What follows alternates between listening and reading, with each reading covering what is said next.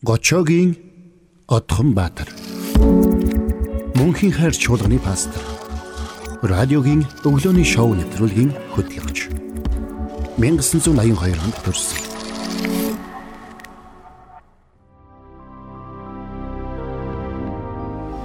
Эцэж туйлдсан хүнд дарамт үүрсэн хүмүүсээ бүгд над руу ир. Би та нарыг амраа. Матай 11-ийн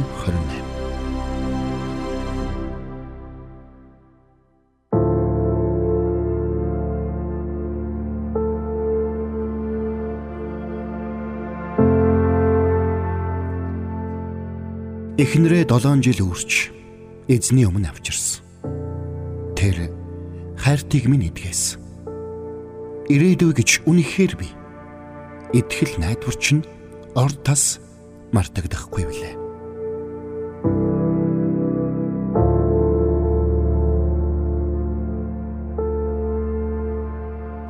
...2003 онд үлзийг их үдсэглэн тохинтой танилцж хоёр биеиндээ сэтгэлтэй болсон. Бид 7 сарын турш үерхэд гэр бүл болсон. Хоёр талын аав ээж маань амьдрах орон байр, доторх тавилга гээд хэрэгтэй бүгдийг хангаж өгч бидний амьдрал дутах зүйлгүй хангалуун эхэлсэн ч заримдаа бүх зүйл бидний төлөвснөр болдоггүй гэдгийг хин хин маань удалгүй ойлгосон.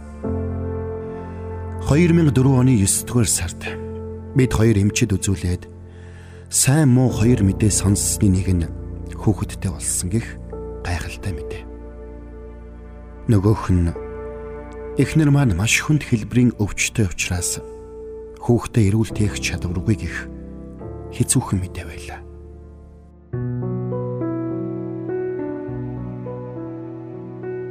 Ойлгомжгүй айдастай тэр өдрүүдэд бидний цорын ганц найдвар тайвшрал бол мөнхийн эзэнд итгэх итгэлэл байсан юм. Бид аав ээж болон гих аз жаргалтай илүү автаж эхнэрийн минь хөвлий өдрөөс өдөр томорч байсан ч биеийн байдлаас нь олж эмч хяналтанд авсангүй. Бяцхан өрмөний хийхэн хөвлийд томорсоор байдаг. Эмч мэрэгжилтнүүд үүнийг зөвшөөрдөггүй. Тийм хүнд нөхцөл байдал 20 23 настай хоёр залуугийн хувьд том цохилт байсан юм. Үнэн дээр эмч нарын буруу огт байгаагүй Учир нь түүний маань биеийн байдал илэрхий муу байсан юм.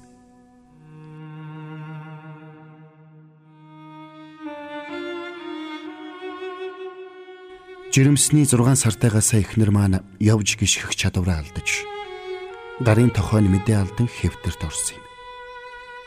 Ингээд жирэмсний 7 сартайда маш хүнд нөхцөл байдалтайгаар хүүхдэд төрүүлсэн. Миний онцгойлон хэлхийг хүсдэг зүйл бол бидний итгэл үнэмшлээс үл хамааран ирдэг зүйл бол өвчин зовлон. Харин ялгаа нь гэвэл зарим хүний хувьд хүнд асуудал, бэрхшээл дунд сэтгэлээ удлах мөнхийн эзэнтэй үргэлж хамт байдаг. Түүний үг бидэнд асуудлыг даван гарах итгэл найдвар, баяр хөөр, хүч тэнхэх хайрладагт давуу тал бий.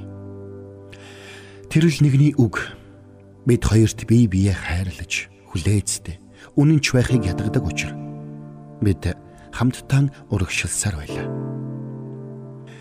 Нилээд хүнд нөхцөлд бид 2005 оны 2 дугаар сарын 3-нд охиноо үлгээдэн авч эмч нарч золоор үртэй болсныг маань дуулгаад ахин хүүхэдтэй болох тун хэцүү шүү гэж бидэнд хэлсэн. Эхнэрийн минь биеийн байдал улам тааруухан болж байлаа Үнэндээ жил жилээр л мууц. Түүний минь хоёр тохой хөдөлгөөнөө алдаад нүрээ угааж үсээ саманч чадхаа болсон. Өрөөсөн хөлн гээ хэлбэрт орж хөдөлгөөнөө алдаж нөгөө хөлнч хавдаж алхаж гიშгэх чадвараа алдсан юм. Яг үннийг хэлэхэд амьдрал мэдэхгүй нийлж зовлон туулж үзээгүй залуу хүмүүсийн хувьд Иймэрхүү өвчин зовлонд сэтгэлээр унж бууж өгөх магадлалтай юм билээ. Харин бидний хувьд бүх чадлаараа хичээсэн ч эцэстээ энэ өвчнөд бууж өгч мэдхээр байдалд хүрсэн юм. Бид 2004-өөс 2012 он хүртэл 8 жил өвчнөд тэмцсэн.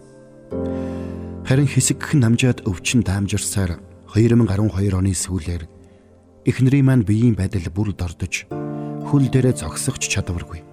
Шүдээ угааж хоолоо халбагдаж идчих чадахгүй байдалд хүрсэн. Эцэст нь бид хоёр нэг зүйлдээ эвлэрсэн.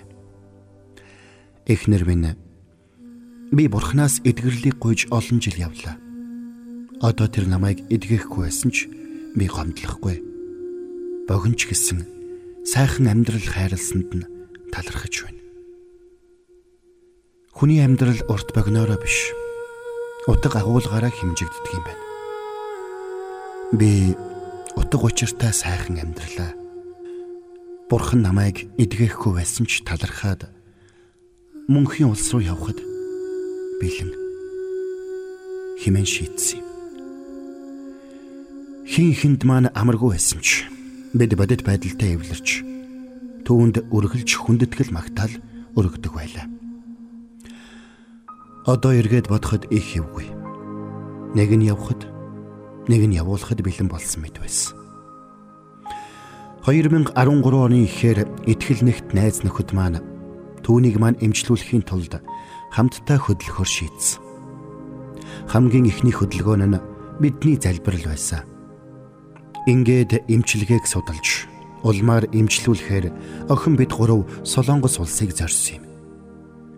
Эргээд бодоход Бурхан бидний эргэн тойрон дэх итгэлийн ахан дүүс залбирлаар дамжуулан бидний амьдралын зовлон зүдгүүрийг шийддэг гэдгийг тэгхэд би маш тод харсан. 7 8 жил алхаагүй учраас хөлн булчингүй болтлоо шимэгдэж хадсан. Өвдөг нь хавцсан.